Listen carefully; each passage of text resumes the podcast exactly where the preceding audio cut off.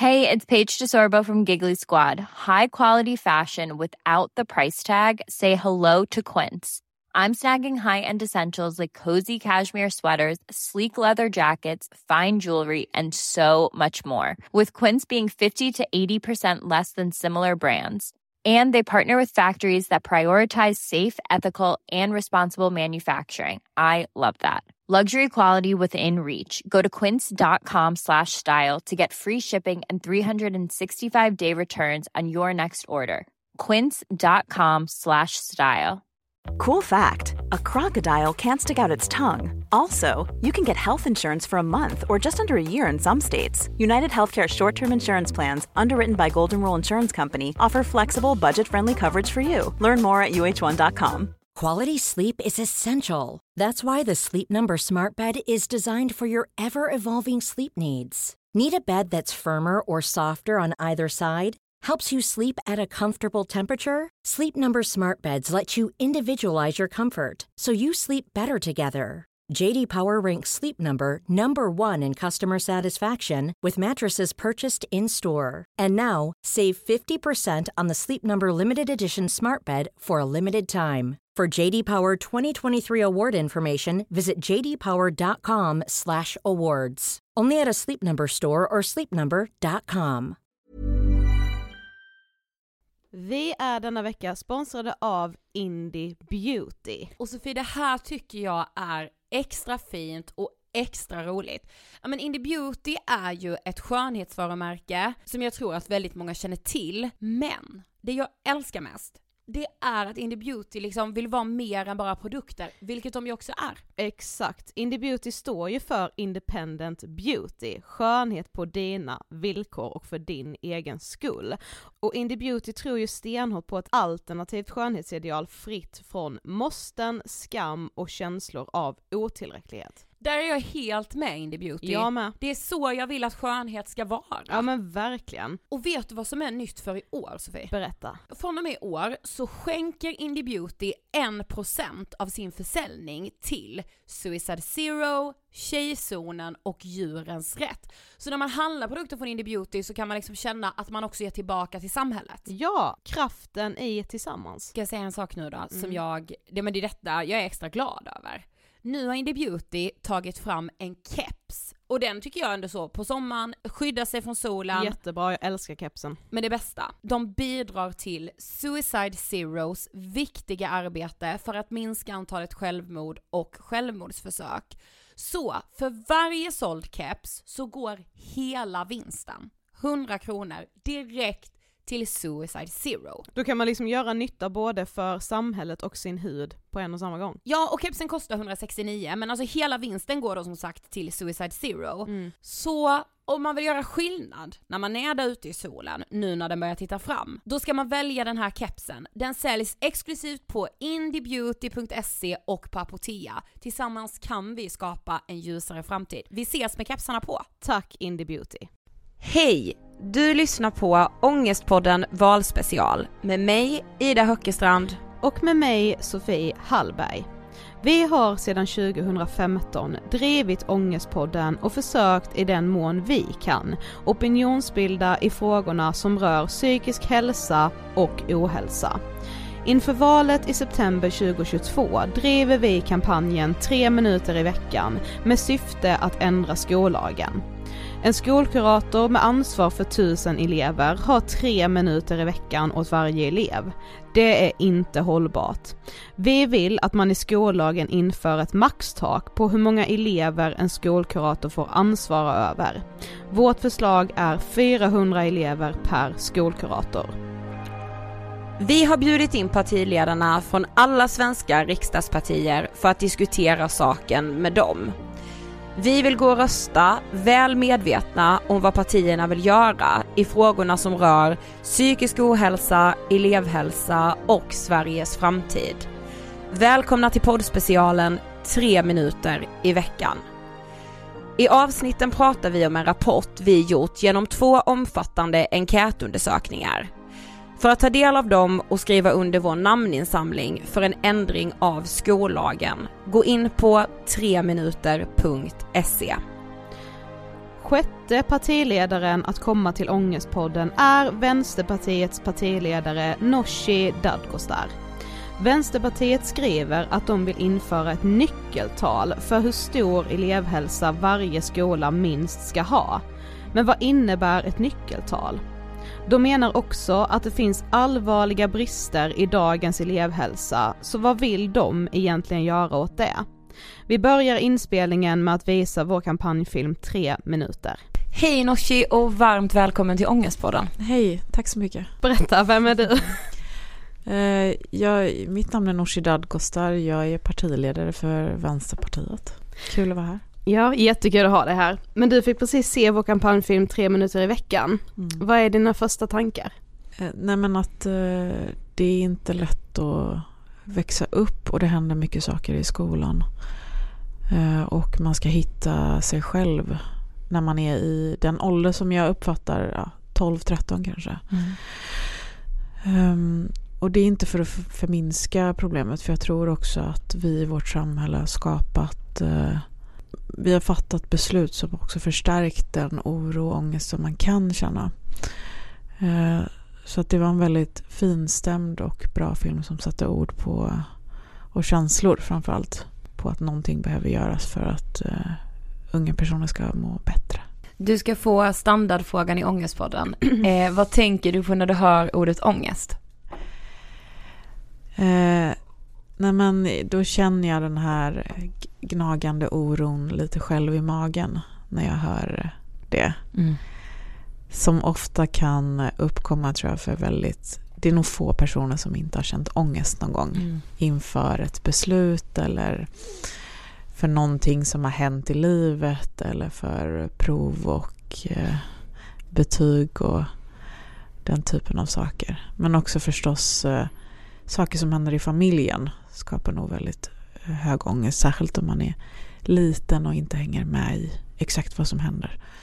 Men vi vill först tacka dig och Vänsterpartiet för att ni faktiskt är här för andra valrörelsen i rad. Vänsterpartiet var med i Ångestpodden ja. även innan förra valet, även om det inte var du då. Men var det Jonas? Då var det Jonas. Ja. Vad roligt. Eh, och vi vill ju liksom prata om psykisk ohälsa även den här gången, men vi tänkte börja lite med dig och din uppväxt. Du är mm. född i Skåne, men uppväxt i Norrköping och Göteborg. Mm. Hur ser du tillbaka på din uppväxt? Eh, nej men det var en väldigt eh, bra uppväxt. Eh, det var ett annat eh, slags Sverige med en mycket starkare välfärd. Det var lättare att hitta en bostad, det var lättare att komma in på arbetsmarknaden.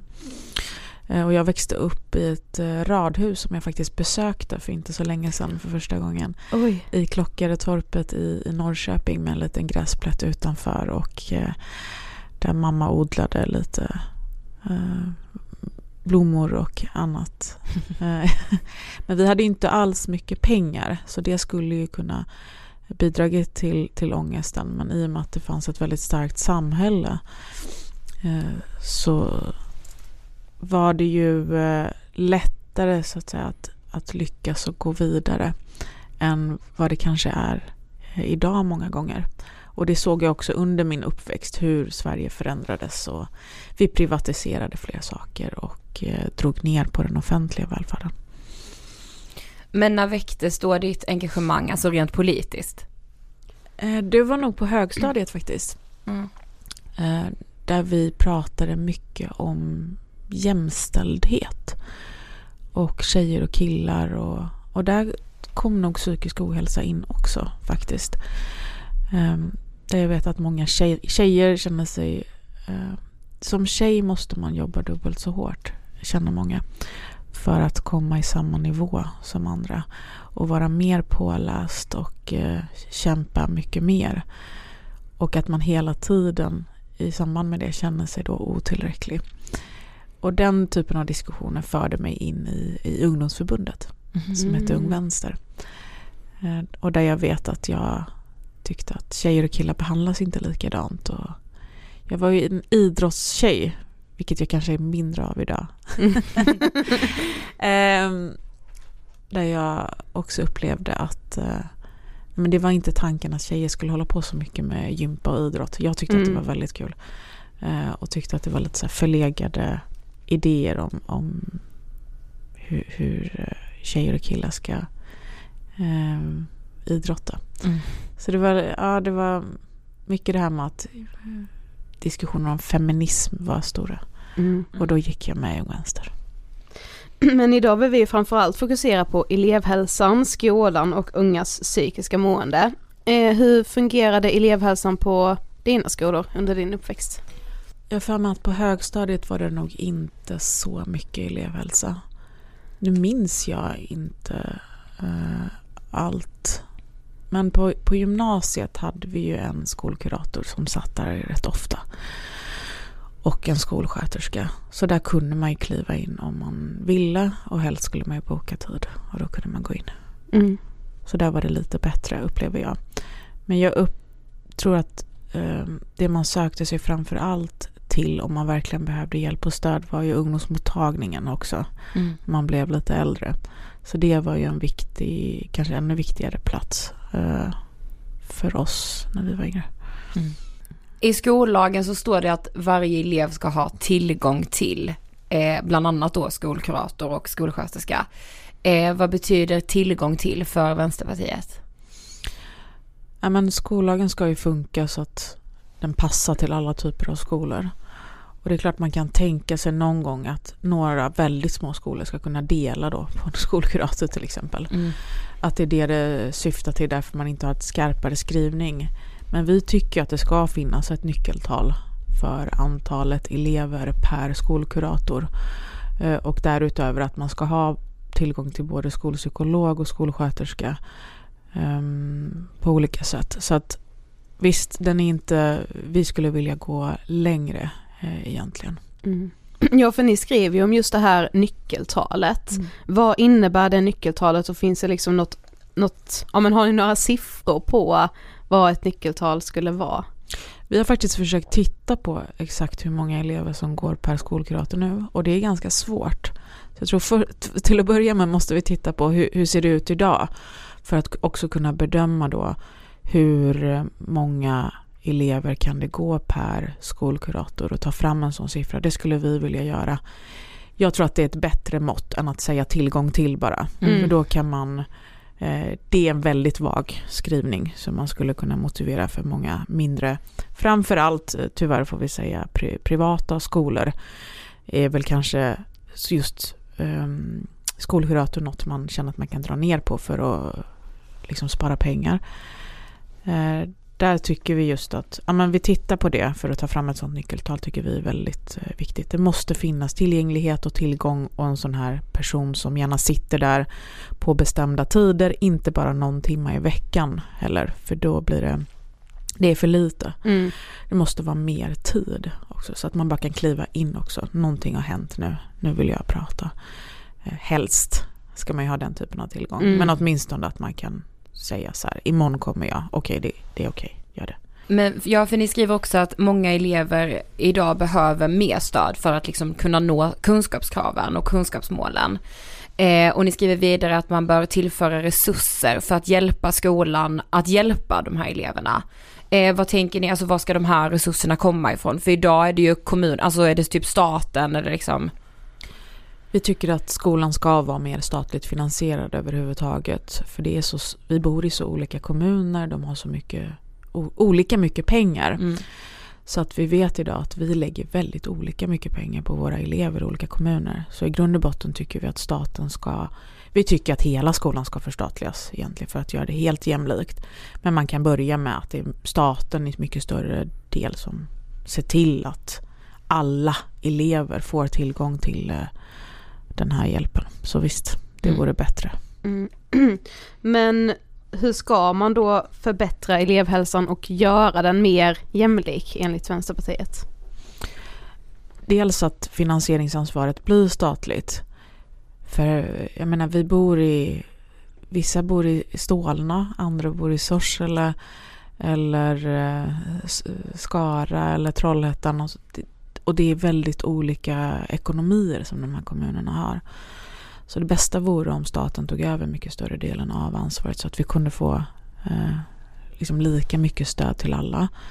Och det är viktigt. Vi, vi har ju tittat på att just privata skolor till exempel, de gör ju vinster och behöver därför dra ner mycket mer eh, än andra skolor för att göra den här vinsten. Och där ser vi ju då att de lägger mindre pengar per elev på, på skolhäl- elevhälsan. Det, det där måste vi också förhindra på något sätt så att man inte blir eh, diskriminerad eller illa behandlad för att man då går i en privatskola. Vissa eh, partiledare som vi har träffat nu liksom inför valet tycker att ansvaret för elevhälsan ska ligga på regionerna istället för liksom skolan. Vad anser Vänsterpartiet om det? Eh, det måste i alla fall finnas en uppdelning, tänker jag. Alltså, det är dumt att vältra över sjukvårdens ansvar på skolan och mm. elevhälsan och vice versa. Mm. Så det viktiga är väl att vi är ganska överens om var skillnaderna går. Så att inte regionerna klagar på i vanlig ordning, tycker jag ofta att det blir sådär när vi har olika instanser. Ja men det där får skolorna ta. Och så säger skolan, det har inte vi råd med. Det måste regionerna mm. ta och så. Så jag tycker det viktiga här är att vi är överens om vad gör eh, elevhälsan och vad gör till exempel ungdomsmottagningen mm. som är en regional instans.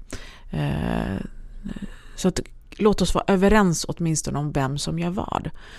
Jag är inte säker på att det hjälper bara för att man tar in dem i regionerna eller så. Jag tycker det viktiga är att vi får dubbelt så mycket vård så att säga. Mm. Så att inte man bara lägger det på varandra för att slippa. För det tycker jag är väldigt vanligt eh, överhuvudtaget. Och det handlar i grund och botten om resurser. Det är alltid så. Den ena vill dra ner på resurser och försöker därför vältra över på den andra och den andra vill också dra ner på resurser. Mm. Eh, låt oss komma ifrån det, eh, åtminstone det är det viktiga. Samarbeta oavsett vilket. Ja det är ganska sjukt att man har två instanser som ju skulle kunna fungera hur bra som helst men så fungerar ingen av dem för att man då lämpar över ansvaret mm. på den ena eller den andra. Hela tiden är det så. Jag tror, eh, efter den här pandemin har vi också märkt att just regioner, det, ni vet det är ju den eh, nivå, politiska nivå som har hand framförallt om vården och om kollektivtrafiken. Och det skulle jag säga, det är två väldigt stora områden som är enormt underfinansierade. Alltså, där har det verkligen dragits ner och vi är inne i en klimatkris som verkligen kräver förstärkningar av, klimat, eller av kollektivtrafiken.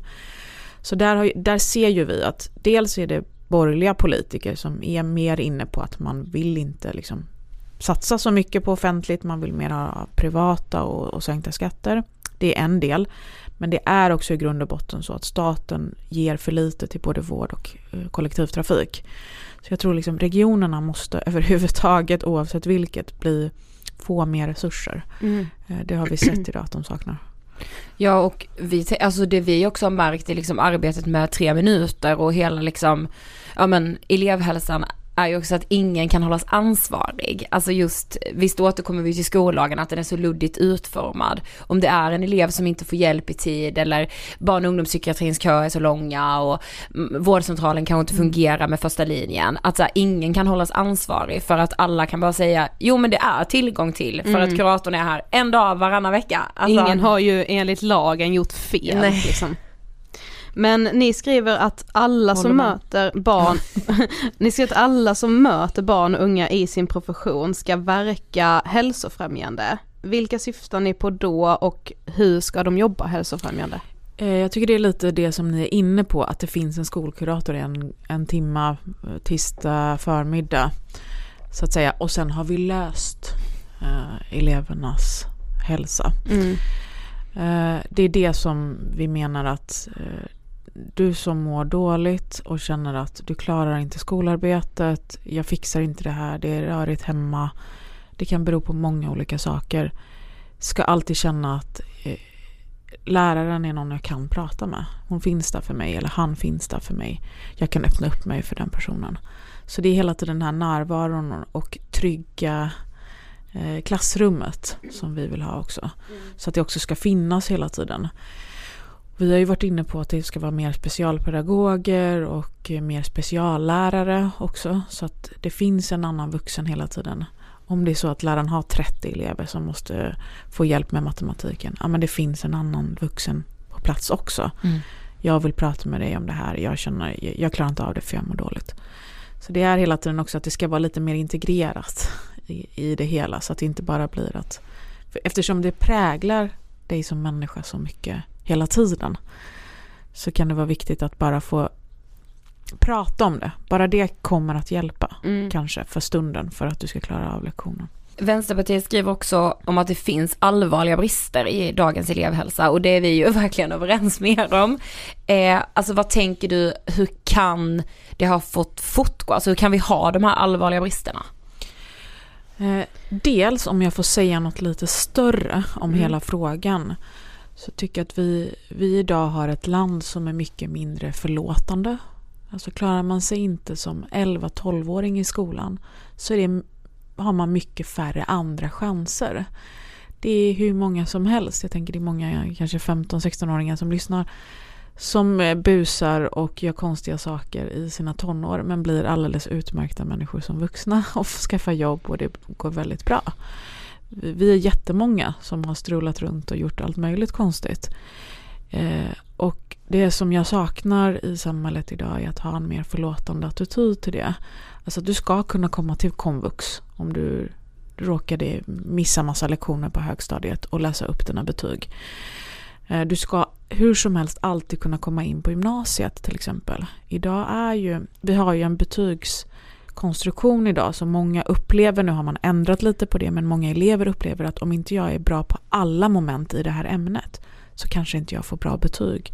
Och är det så att jag till och med får IG i något, eller F heter det väl, FX, Mm.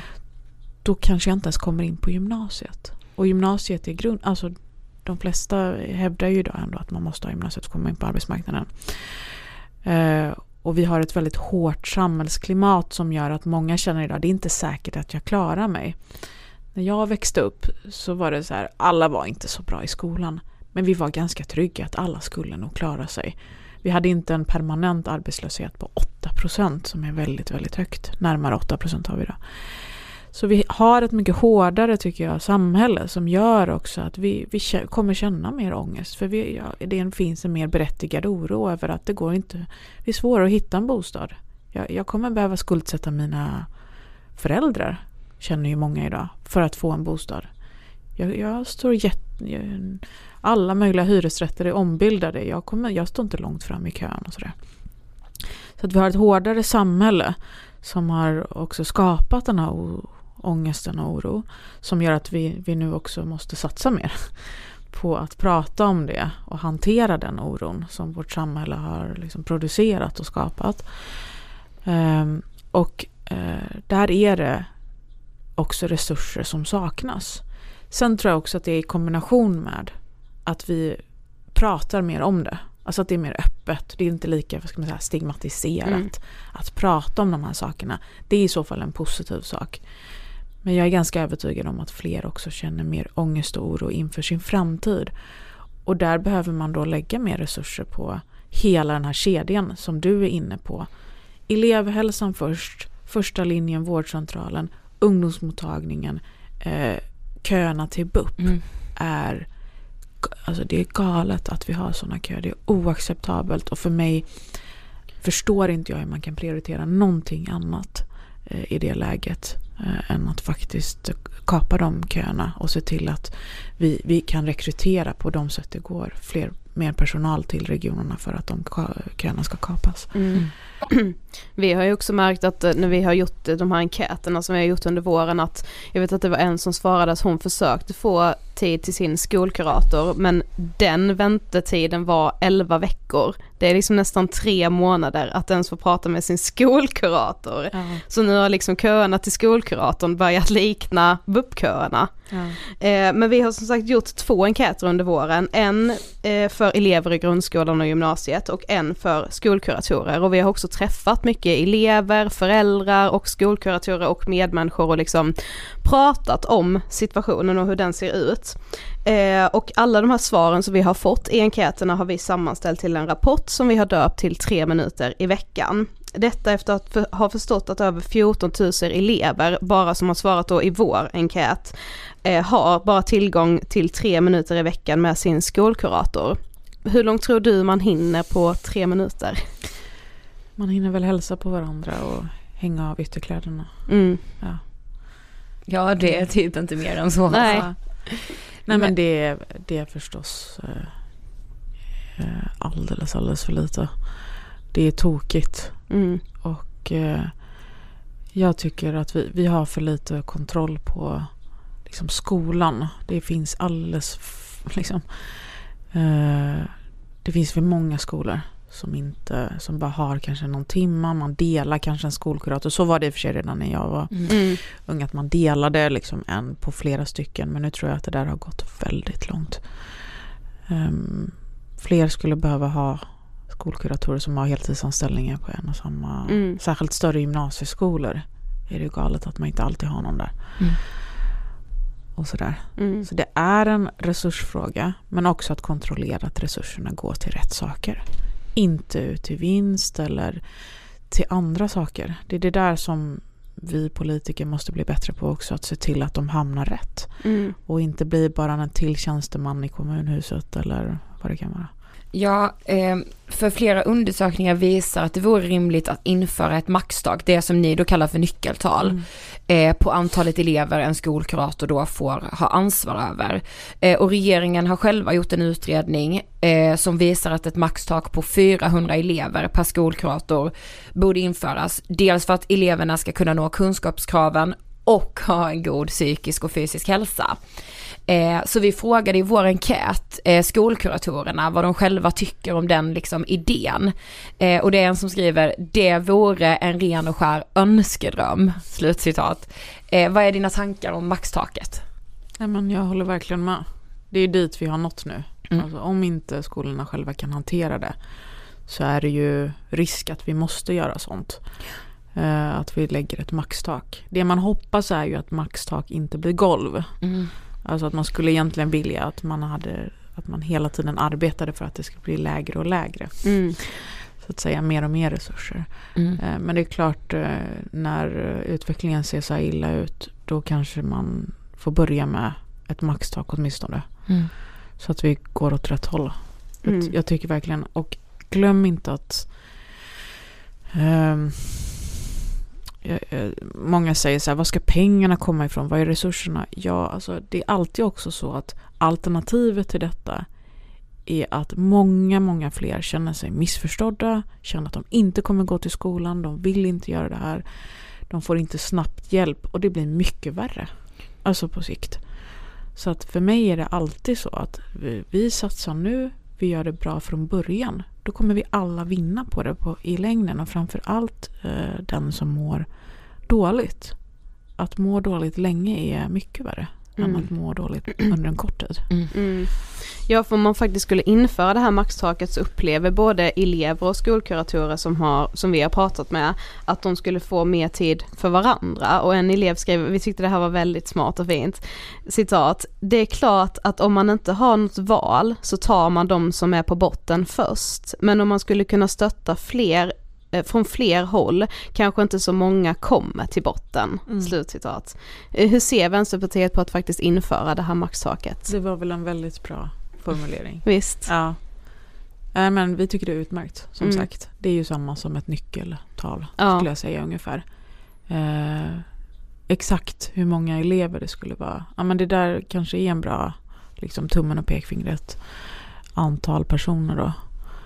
Eh, nej jag tycker det är en utmärkt idé. Mm. Det, det, det kanske är så vi måste nu liksom gå vidare och göra för att det ska bli rätt. Mm. Så om Vänsterpartiet sitter i regering efter valet så kan vi räkna med att ni kommer pusha för det här. Definitivt. Ja. Alltså det här kommer vara en viktig fråga för oss.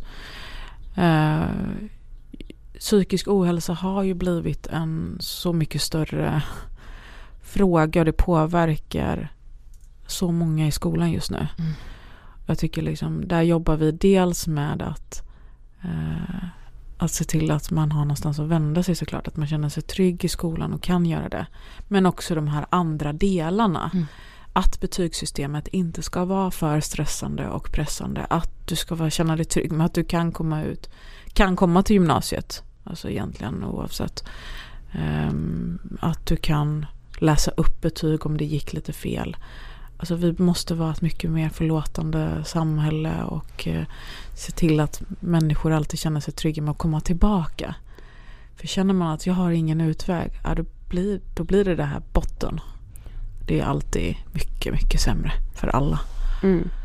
Men en annan sak som också står i skollagen är att elevhälsan och skolkuratorn ska jobba förebyggande. Mm. Eh, och det är egentligen elevernas, eller elevhälsans liksom, ja men primära uppgift. Men många skolkuratorer upplever ju sitt arbete som extremt akutstyrt.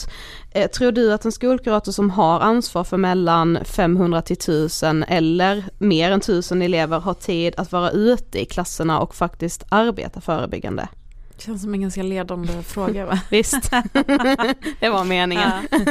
Men så är det hela tiden. Mm. Och det är så man pratar även inom vården och ni vet i alla möjliga sammanhang. Nej men det bästa är om det är förebyggande. Men har man inte ens resurser att ta i det akuta, då blir det precis det där. Då är det fler som kommer in i akuten till slut. Mm. För man har missat det förebyggande. Eh, precis som den här eleven väldigt klokt sa, det är fler som kommer komma till botten. Mm.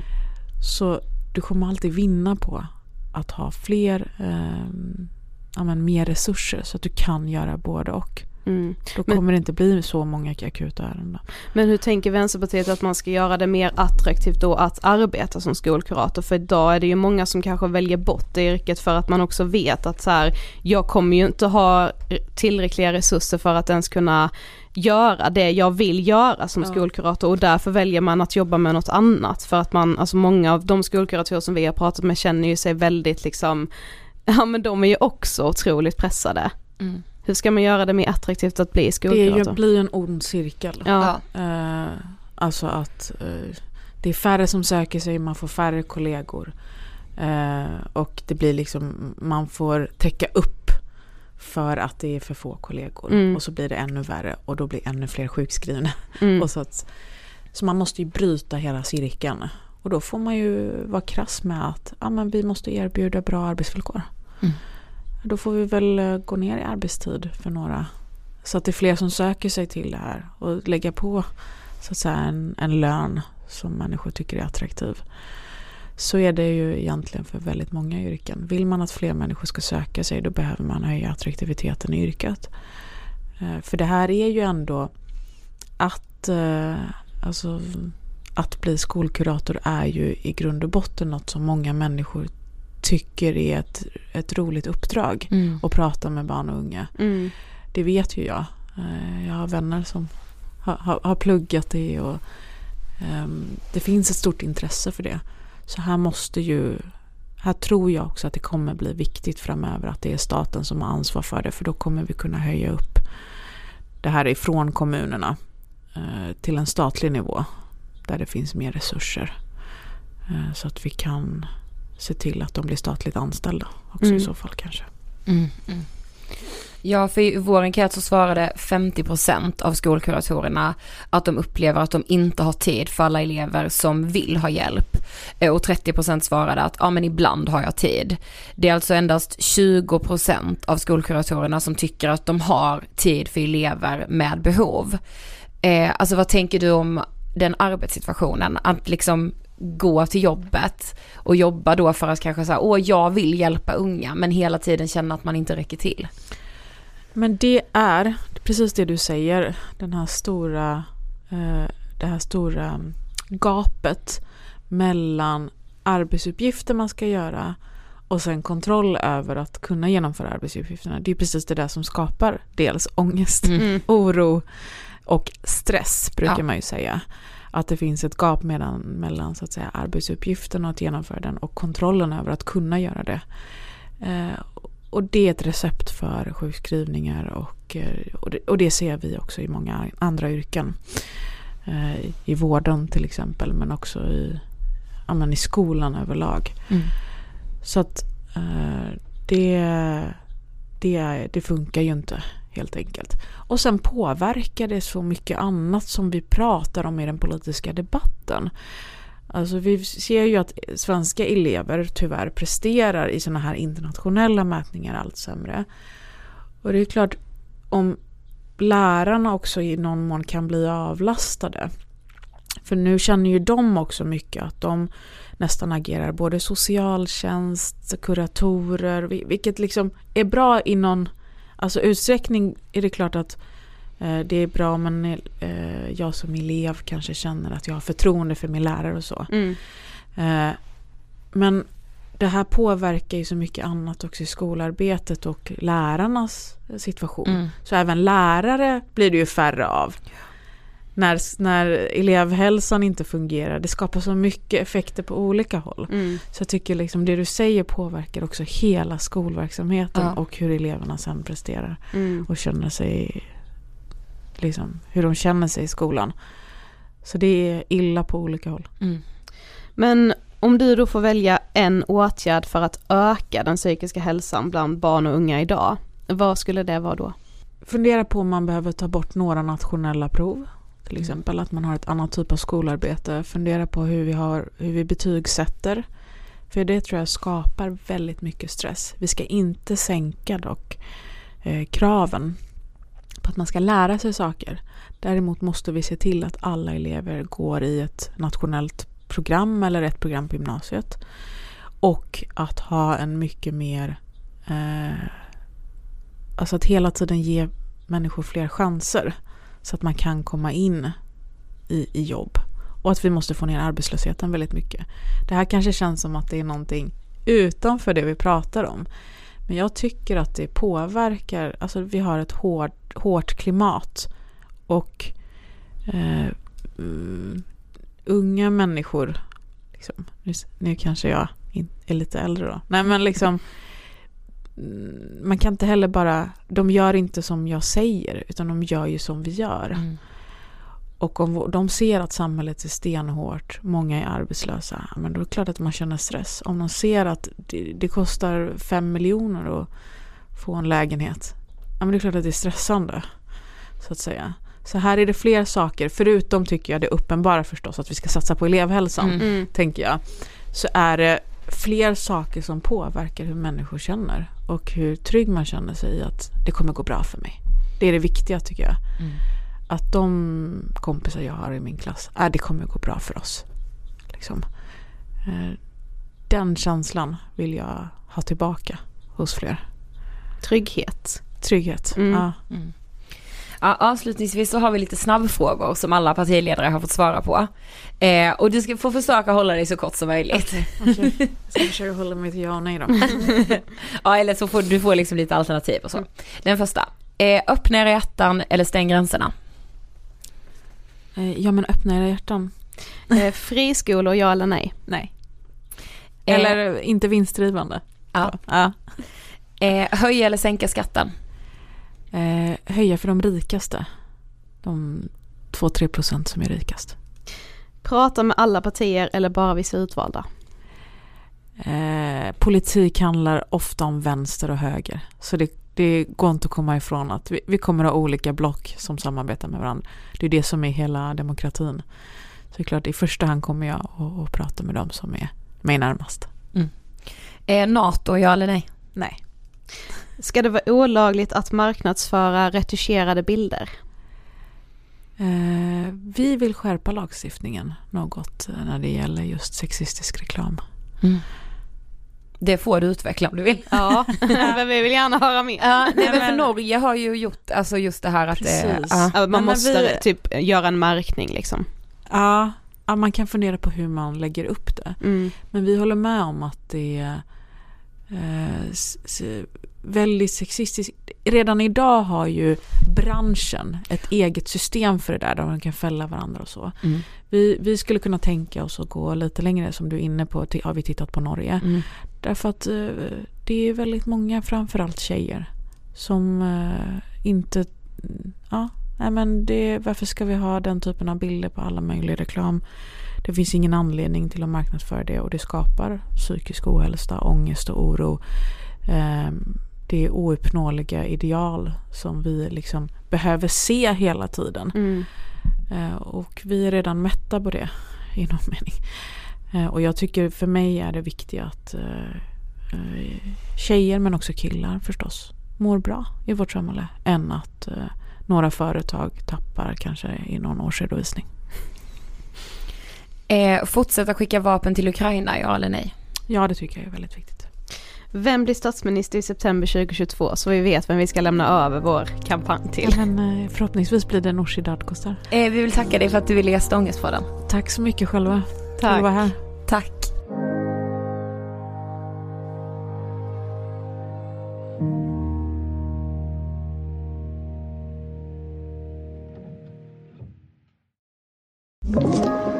Podplay